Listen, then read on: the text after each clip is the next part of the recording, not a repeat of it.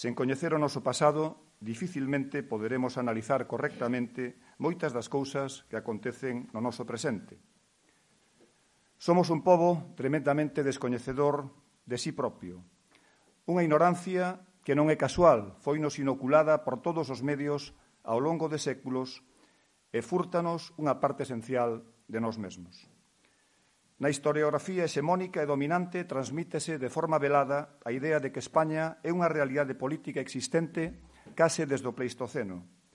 Interprétase o pasado desde a realidade política actual da Península Ibérica e a partir dai reinterprétase e construese un relato no que o Reino de Galiza resulta un elemento incómodo, algo a eliminar ou a secundarizar.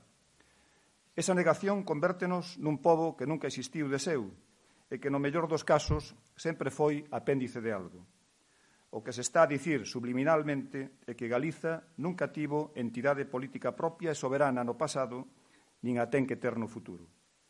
Eis a importancia deste traballo do Paco porque racha con esa visión tan parcial, limitada, deturpadora e ocultadora dunha etapa de grande esplendor político, económico, cultural, lingüístico, artístico e mesmo demográfico da nosa historia. Este libro é, sen dúbida, un antídoto contra esa amnesia inducida e tamén contra un academicismo, hai que dicilo, profundamente elitista que reviste de ciencia o que non é máis que pura ideoloxía. É un libro para ler devagar. Resulta de leitura asequível para un público non especializado Estou certo de que ampliará horizontes e curiosidade de novas e novos historiadores e historiadoras e tamén de que se o ledes, cousa que vos recomendo, tampouco vos deixará indiferentes. Alguén dixo que a historia escreven aos vencedores, pero o tempo dá voz ás vencidas. Se hai algunha voz autorizada para falar da nosa historia, ese é a persoa que nos acompaña hoxe, Paco Rodríguez. Ben, moi boa tarde a todas as persoas que estades aquí. Realmente é un pouco triste verse con 76 anos eh, comprobar que un aínda sigue descoñecendo partes fundamentais da historia do seu país. Non? Se eso lle pasa a unha persoa que tivo certa preocupación eh, por saber de onde viña a que povo pertencía, imaginadevos o que pode pasar coa maioría da poboación que sofre un sistema educativo regrado donde Galiza está ausente, e non somente na etapa do franquismo, sino hoxe, eh, nunha sociedade onde prácticamente o nome de Galiza con certa relevancia política, cultural ou institucional non existe do punto de vista da visión do pasado. Non? Realmente a ignorancia que hai en Galiza sobre a historia, sobre a súa historia, pero en particular sobre a de Media, é alarmante. Non? Pero claro, é lógica, porque non hai ningunha institución que teña feito pois un programa educativo nesa dirección ou non hai tampouco posibilidades legais hoxe por hoxe, en esta maravillosa democracia que vivimos, de ter un sistema educativo mínimamente adecuado á sociedade que o padece. Non? Por outra parte, eh, é triste tamén comprobar que as institucións culturais e académicas que debían de encargarse do estudo eh, do noso pasado, pois non é que non o fagan, senón que o fan moi limitadamente e, sobre todo, inxíreno sempre de, en unha, un diseño que non discuta ni se revele en contra da eliminación ou, anu, ou anulación de Galiza como un pobo con entidade política. Pero esta situación a min sempre me provocou a aspiración a que había que mudala a ter claro a necesidade de que debía de ser eh, mudada e daqui, en certa maneira, deste desexo provén a orixe deste libro. Non? En principio, íame limitar a unha fase histórica que xa, mm, cando tiña 21 anos, era consciente de que había algo moi importante detrás dela, para alén de xa ter lido en autores como Carballo Calero ou como en eh, Ramón Vilar Ponte, de que se trataba de unha fase decisiva para a historia do país, que é a segunda mitade do século XIV. E a me centrar niso, pero unha vez que o fixen, comprovei que eh, non se entendía, non se comprendería moi ben por parte de leitores mesmo cultos o que eu estaba formulando sobre a segunda mitad do século XIV se non se tiña unha visión retrospectiva de todo o anterior que dá coherencia plena á historia de Galiza, porque isto é o máis sorprendente. Frente ao que pode pensar a maioría da poboación, este foi un país con clase dirixente, con unha estrategia política moi clara, eh? e se fracasou non foi por motivos internos, eh? senón foi prácticamente porque o país, en un momento determinado, foi invadido por un exército multinacional pagado polo Papa, eh, eh, coa colaboración de Aragón, por suposto, Castela como principal eh, factor eh, de dominio, e por un exército mesmo mercenario formado por franceses, gascóns, bretóns, en fin, eh, unha auténtica eh, parafernalia de, de opresión para derrubar unha política que ia destinada á reintegración en Portugal, ao desenvolvimento do comercio atlántico, a modificar o feudalismo dándolle importancia ao negocio mercantil á banca, en concreto a banca como un fenómeno de préstamo de diñeiro, e, polo tanto, a unhas modificacións das condicións de existencia que no resto da península e especialmente no espacio castelán andaluz non ían as cousas por aí.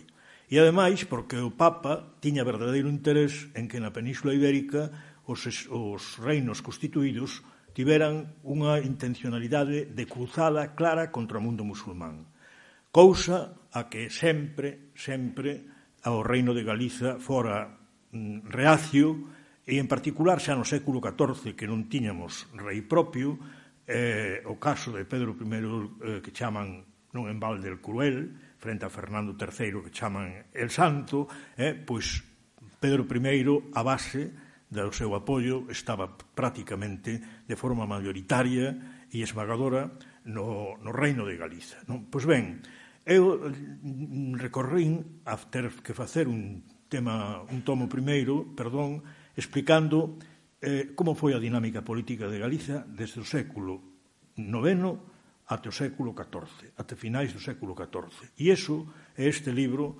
que hoxe presentamos aquí, non? Mm, optei por recorrer a tres tipos eh, de fontes. Non? En primeiro lugar, facer unha reivindicación de todos os eh, historiadores clásicos galegos que mm, realmente entre a importancia da súa obra e a incidencia que depois tiveron na sociedade, os resultados foron moi pírricos, pero teñen un valor fundamental. Son aqueles historiadores que hoxe, con unha especie de desprezo, ou de indiferenza ou de censura grave nas nosas universidades, pois prácticamente non son usados. Eh? E se alguén se atreve a usalos, pois pode atoparse como medievalista que non solamente se ría do alumno ou alumna que o fai, senón que tamén baixa a nota sensiblemente porque non son historiadores científicos, non? segundo ese criterio, especialmente azunia e grave en contra de Biceto, eh?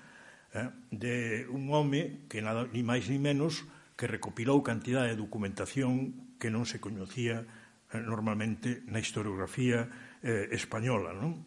O caso de Murguía, que non solamente fixo eso, sino que máis escribiu unha historia estilísticamente moi racional e moi ben, moi ben feita, para alén de que eh, en exclusiva utilizase o español. Ou un portento como López Ferreiro, que era coengo da Catedral de Santiago e que tivo acceso a todos os arquivos, lóxicamente, da Catedral, e escribiu unha historia da Iglesia Catedral de Santiago de Compostela que é unha verdadeira historia de Galiza. Curiosamente, a López Ferreiro, os historiadores de fora, sí que empezan a empregalo precisamente para escribir os seus, os seus relatos medievais, pero pro domo súa, eh, para León, ou para Castela, pero si saben que é un gran historiador e unha fonte de documentación esencial. Utilicei, lóxicamente, a Vilar Ponte, a Castelao, e despois, xa no século XX, a, lóxicamente, a un home hoxe esquecido, por certo, de Rivadavia, e que merecía un homenaxe eh, grande por parte de todos aqueles que teñan un mínimo interés en que Galicia exista, que é Rubén García Álvarez, eh, un home que escribiu, cando menos, dous volumos sobre a demografía, a poboación, a institucionalización política de Galicia na alta edad media, que ainda hoxe sigue sendo unha fonte eh, de información fundamental. E, por suposto, Anselmo López eh, Carreira, que foi o último elo de intento de recuperación dunha visión do pasado eh, eh, que teñan algo que ver coa realidade dos feitos. Curiosamente, pois observade que todos son expulsos do medio universitario, non? Anselmo foi catedrático de instituto e os demais pois foron francotiradores, eh, que tiñan outras profesións ou persoas que pertencían ao mundo eclesiástico. Por lo tanto, esta foi a primeira fonte de información, que ao mesmo tempo significa unha reivindicación de todos eles, non? En segundo lugar, este, está a historiografía, e isto ten moita importancia, española, os medievalismo español e españolista, ademais, porque non ocultan, ¿eh? non, non ocultan, poden ser máis ou menos racionais, e algúns son no? en grado extremo, eh, correcto, non? pero eh, o diseño que eles empregan é intocável, é dicir, poden recoñecer feitos, pero adátanos, adecúanos, eh, ao diseño de que Galiza non existía como reino, non? a pesar de que se decatan do seu peso específico dentro do que eles chaman o reino de León, o reino de Castela ou mesmo o reino de Asturias. Non? Trátase de persoas como, eh, por exemplo, Luis Suárez Fernández, que foi retor da Universidade de Valladolid, por certo, na época do franquismo, e que fixo moitos libros admiráveis desde o punto de vista mesmo interpretativo político a hora de valorar cuestións concretas. Pero claro, despois o diseño español é intocável. Galiza missing, Galiza eliminada, e eso non se pode rectificar. O García de Cortázar, que con inteira tranquilidade dixe, non, sí, o peso demográfico estaba en Galiza, o peso cultural estaba en Galiza, o peso religioso estaba en Galiza, pero era o reino de Asturias. E se quedan tan tranquilos, non? ou Ignacio Ruiz de la Peña, que fai exactamente igual. É dicer, que hoxe no medievalismo español non é que, non, que descoñozan os dados, é que non sacan as conclusións lóxicas dos propios dados que eles empregan. Non? Pero eu empregueinos a fondo precisamente para que se observase a contradición grave en que estamos eh, metidos. Estas contradicións, se aquí houbera institucións eh, académicas, universitarias e culturais á altura das circunstancias eh, estarían sendo reventadas. Eh? Pero o problema é que a maioría, non todos, pero a maioría dos que controlan estes institutos en Galiza son doceis discípulos dos eliminadores. E é máis, ás veces ainda fan gala máis eh, fonda da eliminación de Galiza, incluso co ironía ou sarcasmo, eh, ou, en fin, levando até extremos pois non solamente cuestións opináveis, sino mesmo cuestións falsas. E por último, hai despois a documentación primaria que tamén é para nota, non? Realmente nós temos eh, das historias, das crónicas que se escribiron en latín até o século XIII, a máis interesante, importante, a que fornece máis dados sobre o mundo medieval, aquela que non é simplemente unha enumeración cronolóxica de feitos, senón que ten unha análise, unha interpretación, é a historia compostelá. Eh? Ah? Feita aquí. Se alguén quere escribir unha historia sobre Urraca, a raíña Urraca, non pode prescindir da, da, da historia compostelá. Se quere escribir unha historia sobre Xelmírez, non pode eh, eh, prescindir da historia compostelá. Se o quere facer sobre Alfonso VII, exactamente igual. Ah, pois a historia compostelá resulta que ten un problema. Cale, que é setaria porque está ao servicio de Selvírez. Ah, as, as crónicas eh, eh medievais, o, resto non están ao servicio de ninguén segundo parece, pero si están, e ademais son, como documentos literarios e históricos en sí mesmo, moitísimo máis limitadas. Non?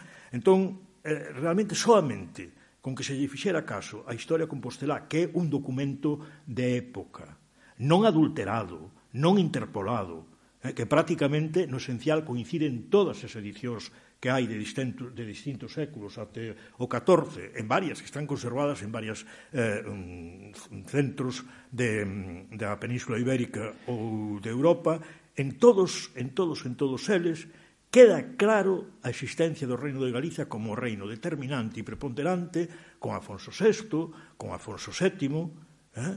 e queda claro, ademais, que na Península Ibérica, a parte occidental, quen tiña influencia decisiva en o que é hoxe tierra de campos, é dicir, ata chegar a, a Castela, era o reino de Galiza. Non? Entón, se isto isto di un documento de época, por que razón se nega de forma ostentosa reincidente, mesmo que Galiza era un, un reino medieval de grande importancia, pero que se chega incluso a que coroacións de, eh, de Alfonso VII na Catedral de Compostela pois se descalifican dicindo no, eso non foi unha coronación eh, real. O único caso de coroación real que se conserva por escrito en toda a península ibérica até o século XIII. Pois isto pasa. Eh? O Códice Calistino, non? que é un códice espectacular en latín, que é o contraste dun francés que se atopa cun país eh, extraordinario, to totalmente cultivado, que lle chama atención un país para él, desde a óptica de hoxe, poderoso e importante, eh? e resulta que o Código Calistino non ten valor ningún como información sobre cal era a situación europea, polo menos europea occidental, e na península ibérica, que é o que máis se soaba por fora, e que recoñecían como, como máis parecido a un francés. Eso está escrito, e en este caso, ademais, é un documento dun estranxeiro, pois un documento da época tamén con varios exemplares en varias partes de Europa e tampouco se ten en consideración. Pero é máis grave. A eh, documentación alto medieval máis importante que existe na península na parte occidental é toda os tombos de Celanova impresionantes, que non son tres e catro documentos apócrifos, son centos e centos de documentos que dan conta exata da dinámica social, económica, cultural e de como sin a familia de Rosendo, de San Rosendo os Goterres, en Galiza non se movía nada no século eh, X. Eh? Bueno, isto está aí. Ou os tombos de, de a Catedral de Santiago, de todas as catedrais. Entón, dis, bueno, é impresionante. O, o país que ten máis documentación detrás é o único que non existe. Bueno, isto é admirável, non? E que isto se poda facer en institucións científicas, porque depois podían relativizar as cousas, podíamos discutir matices, pero que se negue a maior eh, o papel central do reino de Galiza no de, como reino con, eh, cristián, con entidade, eso que resulta especialmente grave. Ben, con toda esta eh, información ás veces un pouco unha enchenta rápida en alguén que non tivo un proceso de asimilación eh, demorado, como se deben de facer determinado tipo de, de estudos, pois leva a que, intentando facer un ensayo, realmente, ás veces, pois, eh, é certo que creo que non o conseguín. Entón, o libro é ondulante, vai desde partes que si se poden ler con facilidade, e moi asimiláveis, a outras que non é que teñan problemas de comprensión pero sí ten problemas de excesiva información que ás veces non é asimilável eh, nunha lectura, sobre todo para saber quen é quen é quen, non? Hai, lóxicamente, un determinante que é alleo a miña capacidade e a miña intención. Vos sabedes que os historiadores ingleses o teñen moi fácil, non? Hai un, un común denominador na opinión pública de coñecimento da historia de Inglaterra, entón eles escreven eh, non teñen por que andar demostrando a cada momento que o que din é verdade, eh? senón que dan unha interpretación, a xente o asume como unha interpretación da situación histórica, e depois, se, que, se alguén quere eh, saber en que está fundamentado, hai unha bibliografía detrás, e de que, que o comproben na bibliografía, pero poden escribir así cousas que son moi lesíveis eh, e moi interesantes. Aquí, como hai cousas que se as dís e non as demostras, pois, di, ah, xa está este, non? Esta cousa, non? Eh, xa, isto, pois claro, isto é unha, unha pexa, non? Entón, vamos ir eh, entrando no camiño das, das conclusións, porque penso que é o máis importante, non?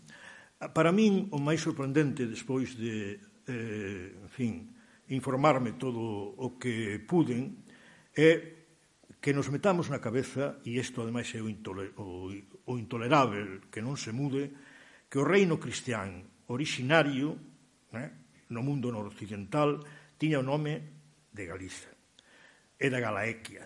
Né?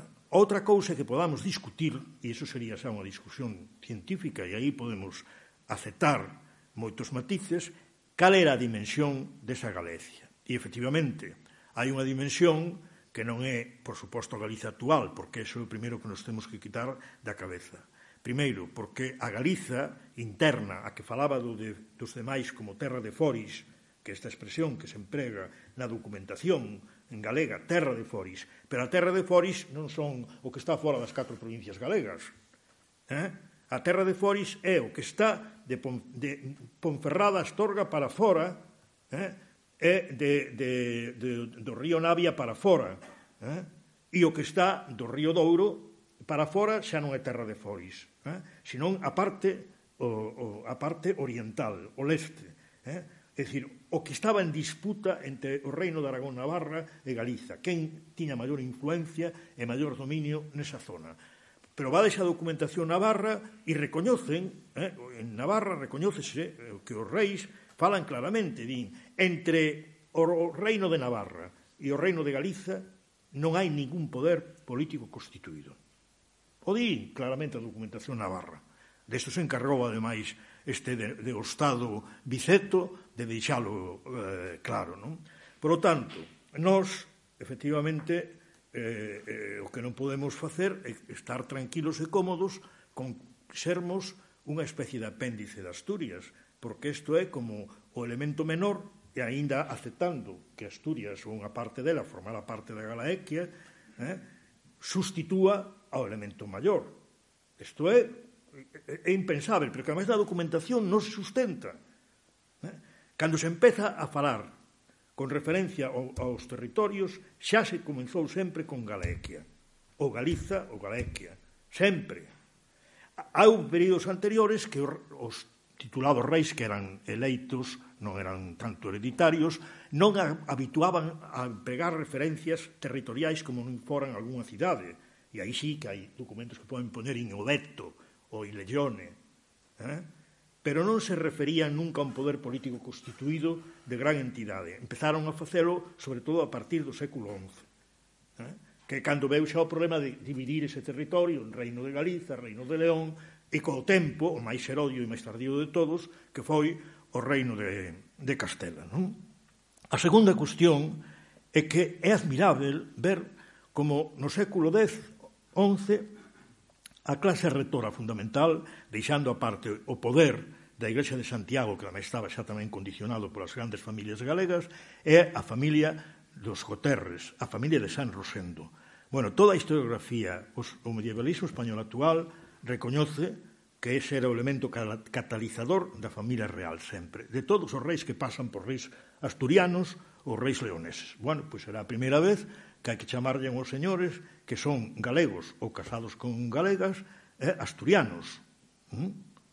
Ou a primeira vez que se pode comprobar como a expansión vai de Lugo a León. Entón, se eu establezo eh, un elemento estratégico en León e o establezo desde aquí, será porque o poder político parte de aquí, o poder económico e o poder militar, non? Digo eu.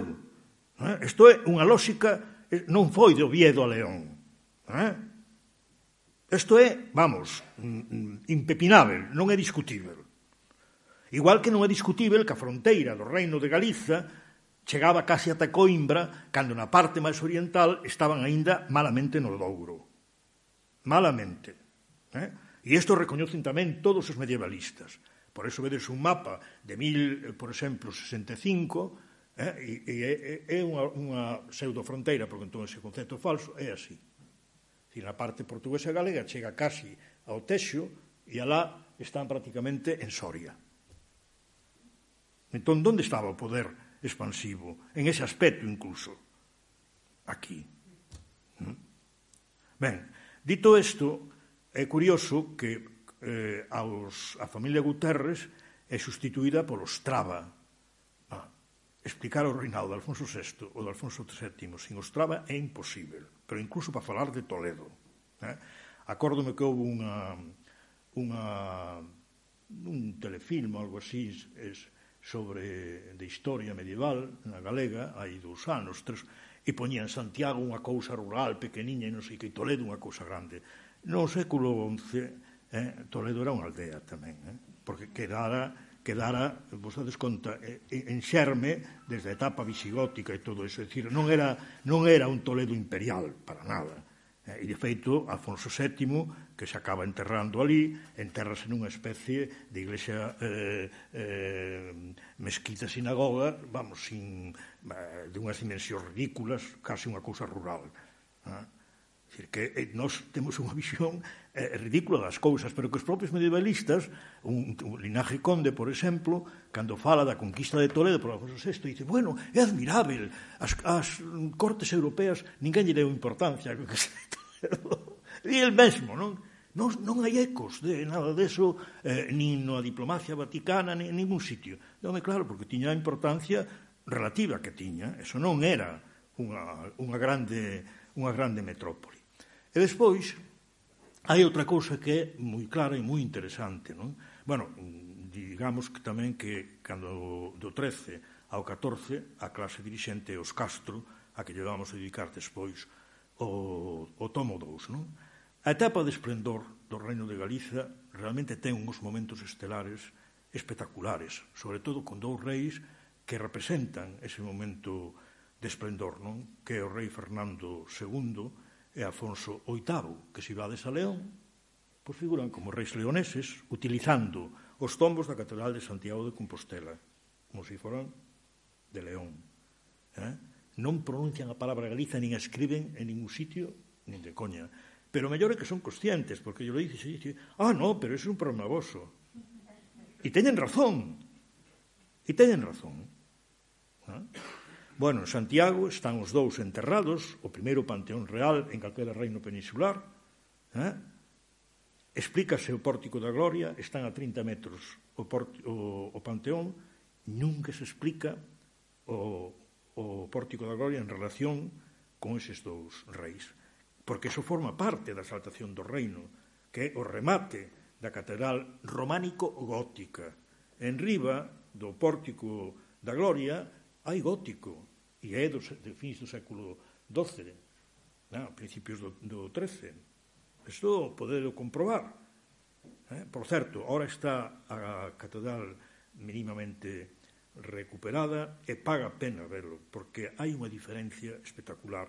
Casi, casi parece unha mezquita. Se si a vedes con perspectiva así, eh, eh, to, todos os arcos ben encuadrados e tal, unha, unha pasada, non?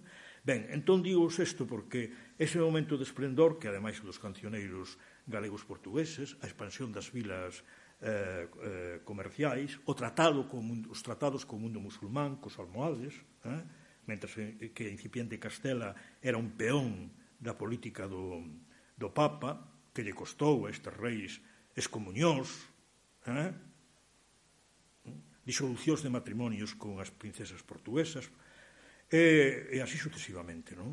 Ben, e ademais un, unha modificación do modelo eh, feudal que ten moitísimo interés, que é unha alianza dun sector da nobleza que xa burguesa, curiosamente a máis importante, eh, e que se alía cos burgueses das cidades. E hai conflitos gravísimos por eso. Eh? Tanto en Santiago, en Ourense mesmo, os franciscanos, eh, aí en San Francisco eran da rama máis heterodoxa, eran eh, favoráveis á pobreza, contrarios á acumulación de, de riquezas pola Igrexa, e o bispo de, de Ourense, Eans de Parada, queimou o, por orden del queimaron o, o convento. Ben, pois o, a gran ataque que recibe o bispo de Ourense, que o, vamos, casi o arrasa, é eh, Fernando Ruiz de Castro, eh, que ven con sus exércitos a apoyar a posición eh, eh, burguesa. E iso, a fin do século XIV, se vai producir xa descaradamente co ese programa que vos dixen, reintegración en Portugal, eh, eh, con Portugal, eh, modificación do, do modelo eh, eh, feudal, eh, eh, expansión do, expansión do comercio e convivencia co que quedaba do mundo musulmán na península e, por suposto, dos, cos judeus, que eran os que ocupaban os cargos máis importantes da Facenda Real en tempo de, de Pedro I. Eh, hai un tema moi interesante que foi grave para nós, que é a separación de, de, ou a división da Galiza histórica en dúas, non? con Portugal que acabará sendo independente. Ben, eh, eso aí habería moito que falar, no segundo tomo vai unha explicación pormenorizada a partir incluso da historiografía eh, portuguesa, pero eu solamente vos quero dicir unha cousa. Eso foi moi grave para nós e eu penso que para Portugal tamén. Eh? Eh, foi moi grave porque a nós nos deixou moi debilitados en unha órbita xa, ademais, eh, que, en fin, é o resultado no que estamos hoxe. Non?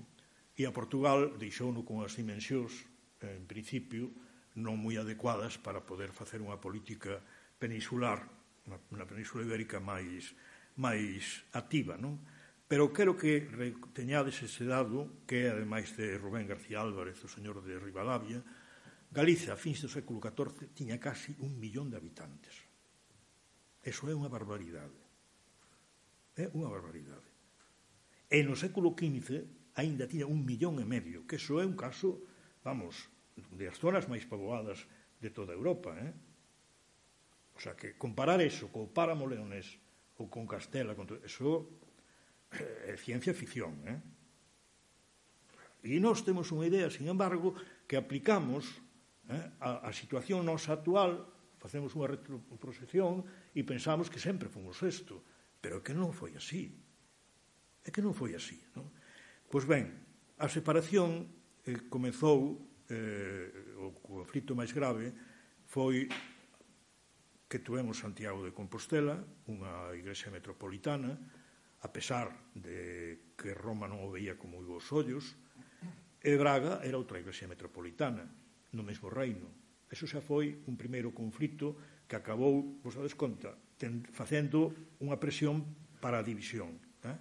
O segundo foi a política papal, que a ver que non sempre se funcionaba pola vía de ir as, a, ao, ao mundo de cruzada, no Reino de Galiza, o que fixo foi apoiar definitivamente ao final a Afonso Enríquez recoñecelo como rei feudatario directo de Roma, pero co compromiso de que se tiña que dedicar á expansión eh, eh, cara ao sur eh, e ter unha posición determinada respecto do mundo do mundo islámico, non? E despois hubo un terceiro elemento que foi que esa ruptura inicialmente non levou consigo a ruptura da clase dirixente galego-portuguesa, senón que mantían unha dualidade eh, eh, basalática. Moitos deles eran vasalos do rei de, de Galiza, de León e Castela, canto xa foron dos tres, e, e, e ao mesmo tempo do, do rei de Portugal. Ou ben, esa dualidade se rompía en determinados momentos. Pero é curioso que nunca houve unha guerra real como tal guerra. hubo bafordos, houbo mm, torneos, eh? hubo conflitos familiares, pero unha guerra non. A guerra se produciu nada máis, se se pode chamar así, na zona de Cáceres e Badajoz, que era un problema xa de quen dominaba os territorios do sur. Aí sí que hubo algún conflito entre os reis galegos e os reis portugueses, pero eran da mesma familia. E esa, esa modalidade de convivencia feudal, porque era moi maleável, aguantou, aguantou, aguantou ata o século XIV. No século XIV, co conflito no que se explica no tomo segundo, cando ven, aí sí que ven a ruptura real da clase dirigente dun lado e do outro. Eh? E cando Galiza, pois, empeza un proceso de castellanización grave e despois de españolización. Non? Por lo tanto, e xa vou acabando, eh, tuvemos clase dirigente propia, importante, unha base poboacional e un poder económico importante, foi o primeiro lugar onde se bateu moeda, moeda eh, cristiá, non utilizar o numerario musulmán ni solamente o, a, os intercambios. Eh, primeiro foi Santiago, que bateu moeda, despois Lugo, despois León e despois Toledo. Eh? Entón, eu non sei, sería un caso anómalo, non dun país que é o que fai a moeda, que ten a clase de dirigente, e aquí non houve reino, non houve nada. Bueno, pois ben, de acordo? Se ve que os historiadores debían dedicarse un poquinho máis á política, aberta, de, declarada, porque son políticos malos. Claro, esa é a ventaxe que ten eh, ter pasado pola política, non? Que polo menos algo aprendistes. Non? Porque claro, depois hai académicos que francamente viven eh, en unha en un mundo seu, non? ilusionista, pero ben pegado ao que hai que defender, eh? eso sí. Ben, eh, tuvemos a, a legitimación religiosa que representou Santiago, as relacións familiares e os casamentos que, mm, de todos os reis, eh, e des que chaman de Asturias e todos, todos son galegos, non? Eh, amamantados ou en Betanzos ou en Celanova ou coroados na Catedral de Santiago e así sucesivamente. As referencias diplomáticas do mundo exterior, do Vaticano, eh, do mundo franco, eh, eh do mundo musulmán, todas son o reino de Galiza. Señores, creo que é hora de que se vaya ratificando algo, porque os nosos rapaces a deprenden de todo menos desto. E claro, así as nosas pedras, o noso patrimonio, é que non ten sentido ningún. Temos un patrimonio esplendoroso, pero non ten historia detrás. Que é o grave defecto que temos, non? Vamos a Celanova ali, máis que... Non, San Rosendo, pero bueno, San Rosendo, quen era? Que só que hai que explicar, non? Eh? E cal era o poder político que el soportaba? a súa familia, vamos, e todo, a máis unha familia de norte a sur, eh? Esa outra, outra cousa moi curiosa, a articulación do poder eh, social e político en Galicia. Non? Ben, pois todo isto é o que neste primeiro tomo vai con mellor ou peor fortuna para que, eh, cando menos, se cree, sobre todo, a exixencia de que temos que mudar isto.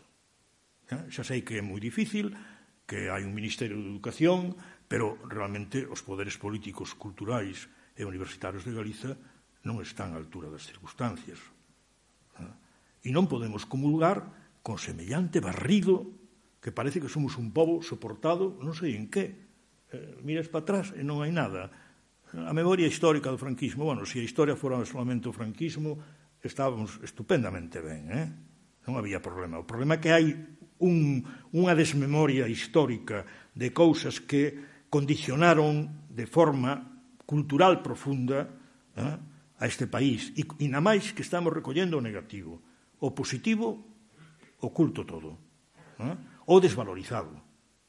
E isto é o gran reto que eu penso que debemos de intentar, eh, polo menos, ratificalo, ou que se cree un estado de opinión que acabe tendo unha incidencia práctica, porque isto que eu digo a maioría das cousas sábense, sabíanse, e están xa explicadas de outra maneira, mellor, con eh, máis eh, con outros modos, pero isto ten que ter un nivel de impacto que obrigue a mudar a educación eh, e a información social que temos en Galiza ao respecto. Nada máis e moitas grazas.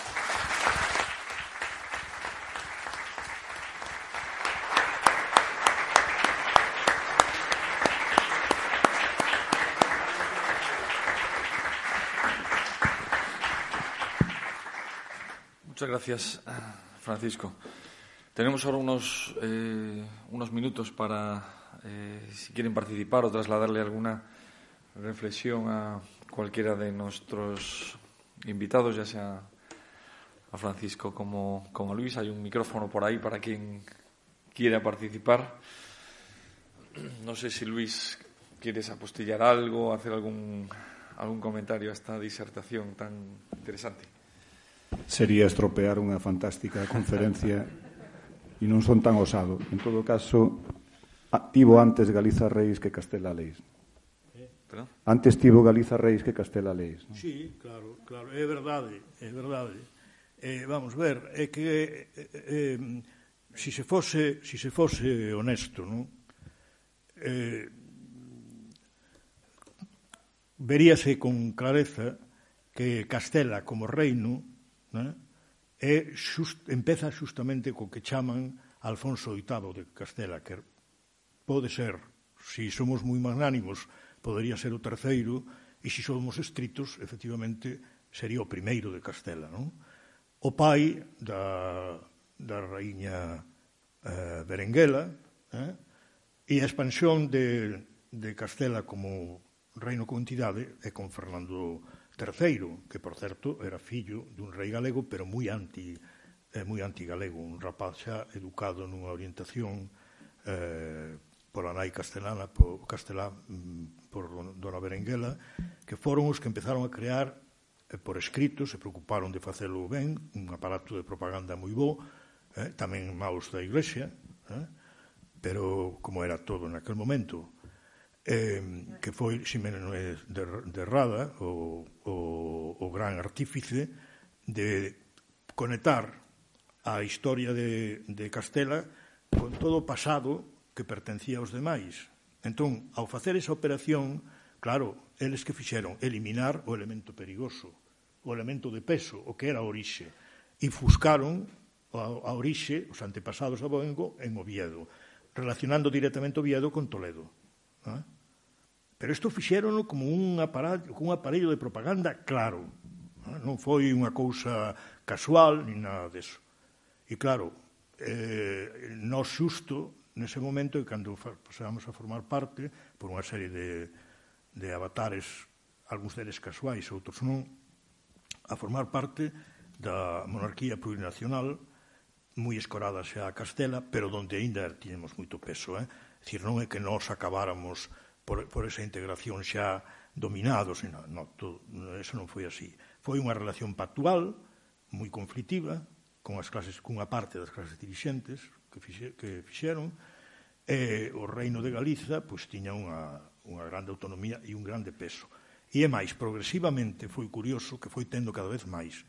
E xusto estourou o conflito do século XIV porque o rei se empezou a apoiar na nobreza galega portuguesa para compensar, vos dades conta, a, a influencia e a determinación que lle facía sobre o aparello monárquico a Castelán Andaluza. E aí veu unha guerra civil en Castela E aquí non había, porque maioritariamente era todo unha posición, entón, ao final, inda que gañaron en Castela os, os trastamaristas, os falsos trastámaras, depois tiveron que invadir o país e Portugal, porque estaba tamén na melé con, con nós, non?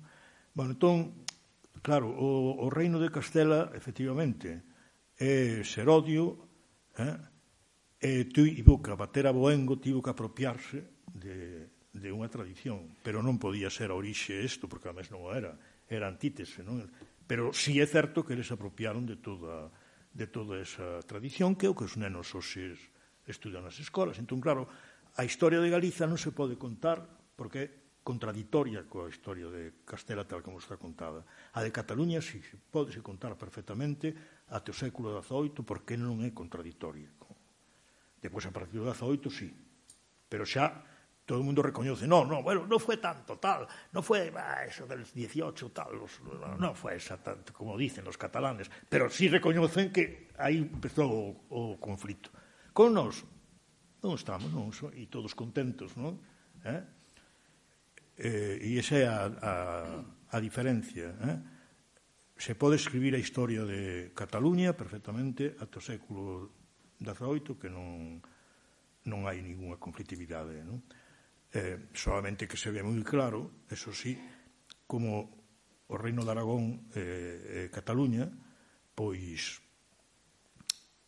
eh, estaba, tamén acabou infiltrado polos Trastámara. Eh? e así depois o resultado da unidade esa formal por arriba, non? Fernando el Católico era un trastámara tamén. Un falso trastámara. Bueno, trastámara é un topónimo galego. Eh? É tras do tambre, eh? mirade que, que paradoxos, non? Pero non creades que isto tampouco se di moito, eh? De feito, eh, eu cando fun aí ao arquivo da Casa de Alba, o señor que está ao fronte, que é un señor moi de dereitas, pero, bueno, é un señor moi de dereitas, pero eh, ao final eh, se po pódese falar, non? Con el.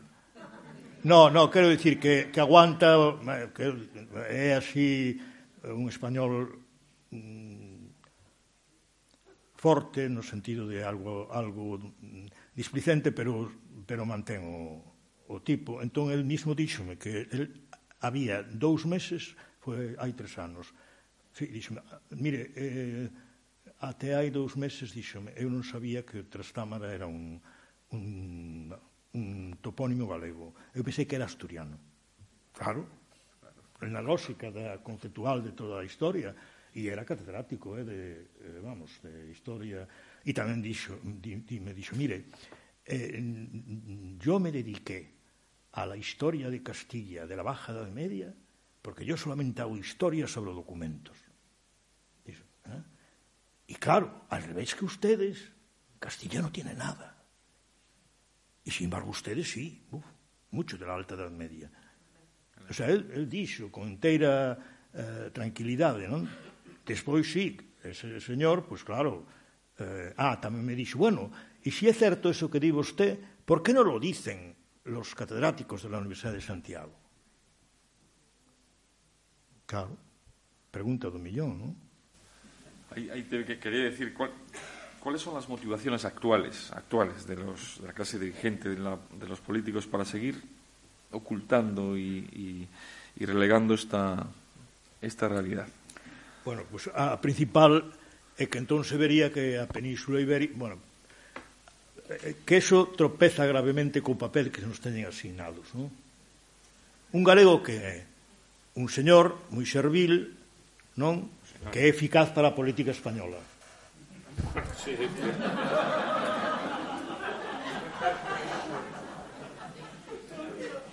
Claro, se si ti empezas a contar que este país ten historia, que aquí hubo señores que, que estuveron durante tres séculos intentando recuperar a unidade perdida con Portugal, eh, se empezas a decir que a idea de fronteira non había, se empezas a dicir que, que eh, eh, Portugal e España non existiron sempre, e tal, e só desbarata toda eh, a, a, a cuestión.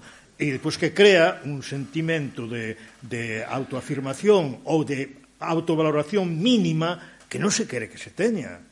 Porque senón é, é increíble, o sea, o que pasa nas escolas galegas é que non pasa en ninguna comunidade autónoma, e xa me poño en plan regionalista. Un neno andaluz ou unha nena andaluza sabe, vamos, desde quen é non sei que infante, até eh, o, o Islán e el, eh, al andaluz, está nos libros de, que estudan todos os días. Os nenos asturianos, bueno, non lles digas que, que Galiza era... que te fusilan, eh? que te fusilan Aquí é un neno... Ve, e que e dice, a mí un díxome, ah, no, cala, si sempre estuvemos gobernados por asturianos. Así, pero que é lógico. É o lógico.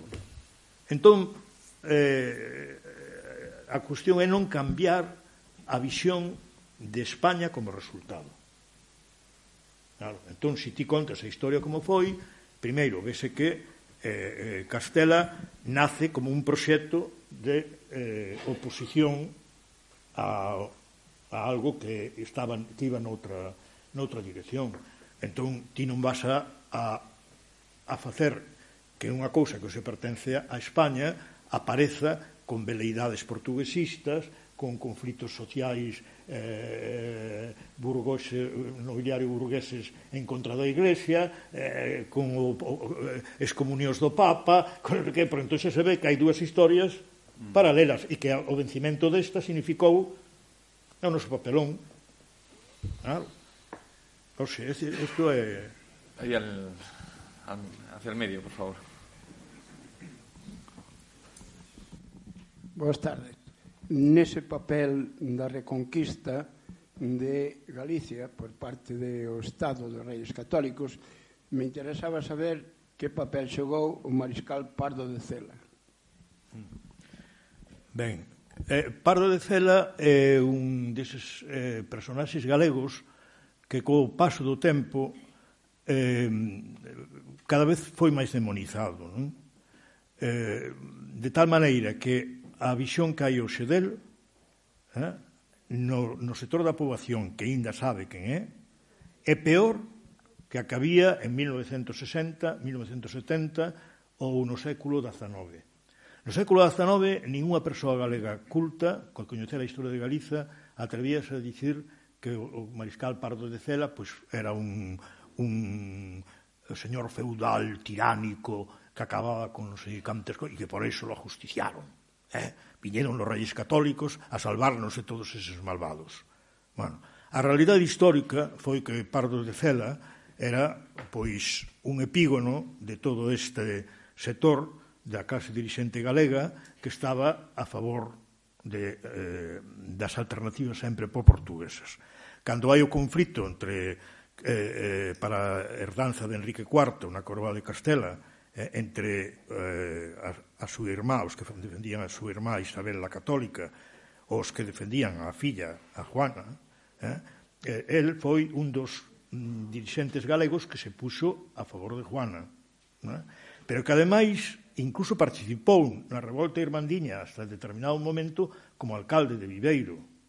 Eh? É dicir, que era deses que tamén tiña esa proclividade eh, pro-burguesa. Pero que ademais o conflito final grave del foi co obispo eh, eh de Mondoñedo, decir, de, discutindo e debatendo quen era o que tiña o, a, o control eh, de, de Mondoñedo e de Viveiro, eh, que tamén hai aí ese, ese problema. E despois, eh, a propia historiografía castellana, pero a de a áulica, a, a da época dos comuneros de, de Castela, descubre o tinglao, porque agora, agora me acordo, pero aí veñen citadas, eh? Eh, eh, hai unha observación de un burócrata do, de Carlos V, me parece que é, sí, sí, que dille á muller de Padilla, eh, os das comunidades dille, e ándate con ojo, ¿no? que ya eh, se le aplicó al mariscal Pardo de Cela eh, la represalia debida y oportuna, como diciendo, cortarle la cabeza como vos, vosotros sigáis por el mismo camino, se os aplicará la misma. Es decir, la comparación que hace el burócrata es con los comuneros. Resulta que los comuneros de Castilla son estupendos, pero Mariscal Pardo de Cela non. É un criminal, non? E depois se utiliza unha frase de Aponte, de Vasco da Ponte, que era un señor totalmente favorable a quen era, para descalificalo. Vamos a ver, os métodos de propaganda actuais, de, de maneira eh, mm, en, en orixe, en, eh, vamos a ver, eh, en como podríamos dicirlo, en, en embrión están xa noutras épocas da historia. A demonización é unha cuestión esencial para acabar con alguén. E na visión histórica o que se está facendo cos personaxes que levaron a contraria eh, aos reis católicos é eso. Pero dá casualidade que en toda a Mariña, en toda a Mariña, a tradición popular cantigas, de todo, sempre son favoráveis ao mariscal. Si ese señor fora un criminal, a tradición popular non recollía eso. Pois na tradición popular non hai nada nunca negativo sobre o mariscal. Ora, o máis preocupante do punto de vista que, do que a nos interesa é que na xeración de Castelao calquer nacionalista ou calquer galeguista sabía que era o Mariscal Pardo de Cela. Na xeración actual, habendo máis nacionalismo cuantitativo, hai máis ignorancia. E iso é grave para o país. Porque eu non discuto que despois teñamos que debater e, e que científicamente e averiguar eh, e estudar as cousas ben para facer un retrato con matiz do mariscal, pero que non pode ser esta descalificación que chega a ocultar incluso a dinámica pro-portuguesa para que se vexe como que é un señor irracional que era malísimo con os seus vasalos. Pero non hai nada máis político. E claro, as propias crónicas dos reis católicos, a Fernando de Pulgar, descubren claramente que eran señores favorables a, a, a chamada Juana la Beltraneja. ¿Ah? Bueno, curiosamente, están despois eh, Constanza de Castro, que eh, seguiu habendo resistencia eh, despois da morte do, de Pardo de Cela, e incluso o conde de Lemos, pois... Ah, mm, coqueteaba eh, con o, os, o partido, digamos, alternativa pro portuguesa, e tamén se meteron con el. Eh. Por certo, ese momento, despois de todo o mariscal, eh, foi cando eh, eh, a primeira vez que apartan do reino de Galiza o dominio sobre, sobre unha parte do, do Berzo, eh? que hasta entón era o conde de Lemos, o señor eh, feudal de que dependía, Ponferrada en concreto. Pois Ponferrada pasou ao, ao conde de Benavente. O sea que os mecanismos eh, en esa sociedade eran distintos, non? pero eh, moi evidentes eh? a orientación. Entón, eu o que quero que, que se vexa que podemos criticar as cousas, pero que temos que saber que había detrás do comportamento. E en Galiza, até o século XV, durou un comportamento. Moitos sectores da clase dirixente que ten esa explicación ¿eh? Ten esa explicación, que eran non estaban de acordo con a integración na coroa de Castela, na evolución que esa coroa levaba e co papel que cada vez nos facían cumplir máis a nós. Tamén é verdade que vamos ver, todo ten o, o seu pau e zanoura, non? Eh, di Castelao que un dos erros graves desta nobreza foi participar activamente nas, na reconquista, na, o que chaman reconquista, vamos, no dominio sobre Andalucía, na entrega de terreos e señoríos en Andalucía, e é verdade que eso foi un dos problemas. Eh, así foi como empezaron a integrar e por ese proceso acabou desaparecendo. Incluso todo está integrado hoxe na Casa de Alba, o, o Condado de Lemos en título da Casa de Alba, eh, Aos Andrade, un título da Casa de Alba, pero eso foi un, un fenómeno parecido ao da burguesía mm, eh, eh, no capitalismo, cada vez está máis transna, transnacionalizada, non? E de feito no 18 podía haber guerras entre Francia e Inglaterra e tal, e as súas clases dirigentes tomaban todas eh, eh, eran familiares todos. Uh -huh. ¿No? Eso vese moi ben na película de Kubrick, Barry Lyndon, non? ¿Alguna pregunta más? Pues si no la hay, lo podemos dejar aquí. Gracias Paco, gracias Luis. A ustedes por su presencia. Les esperamos en el próximo foro. Muchas gracias.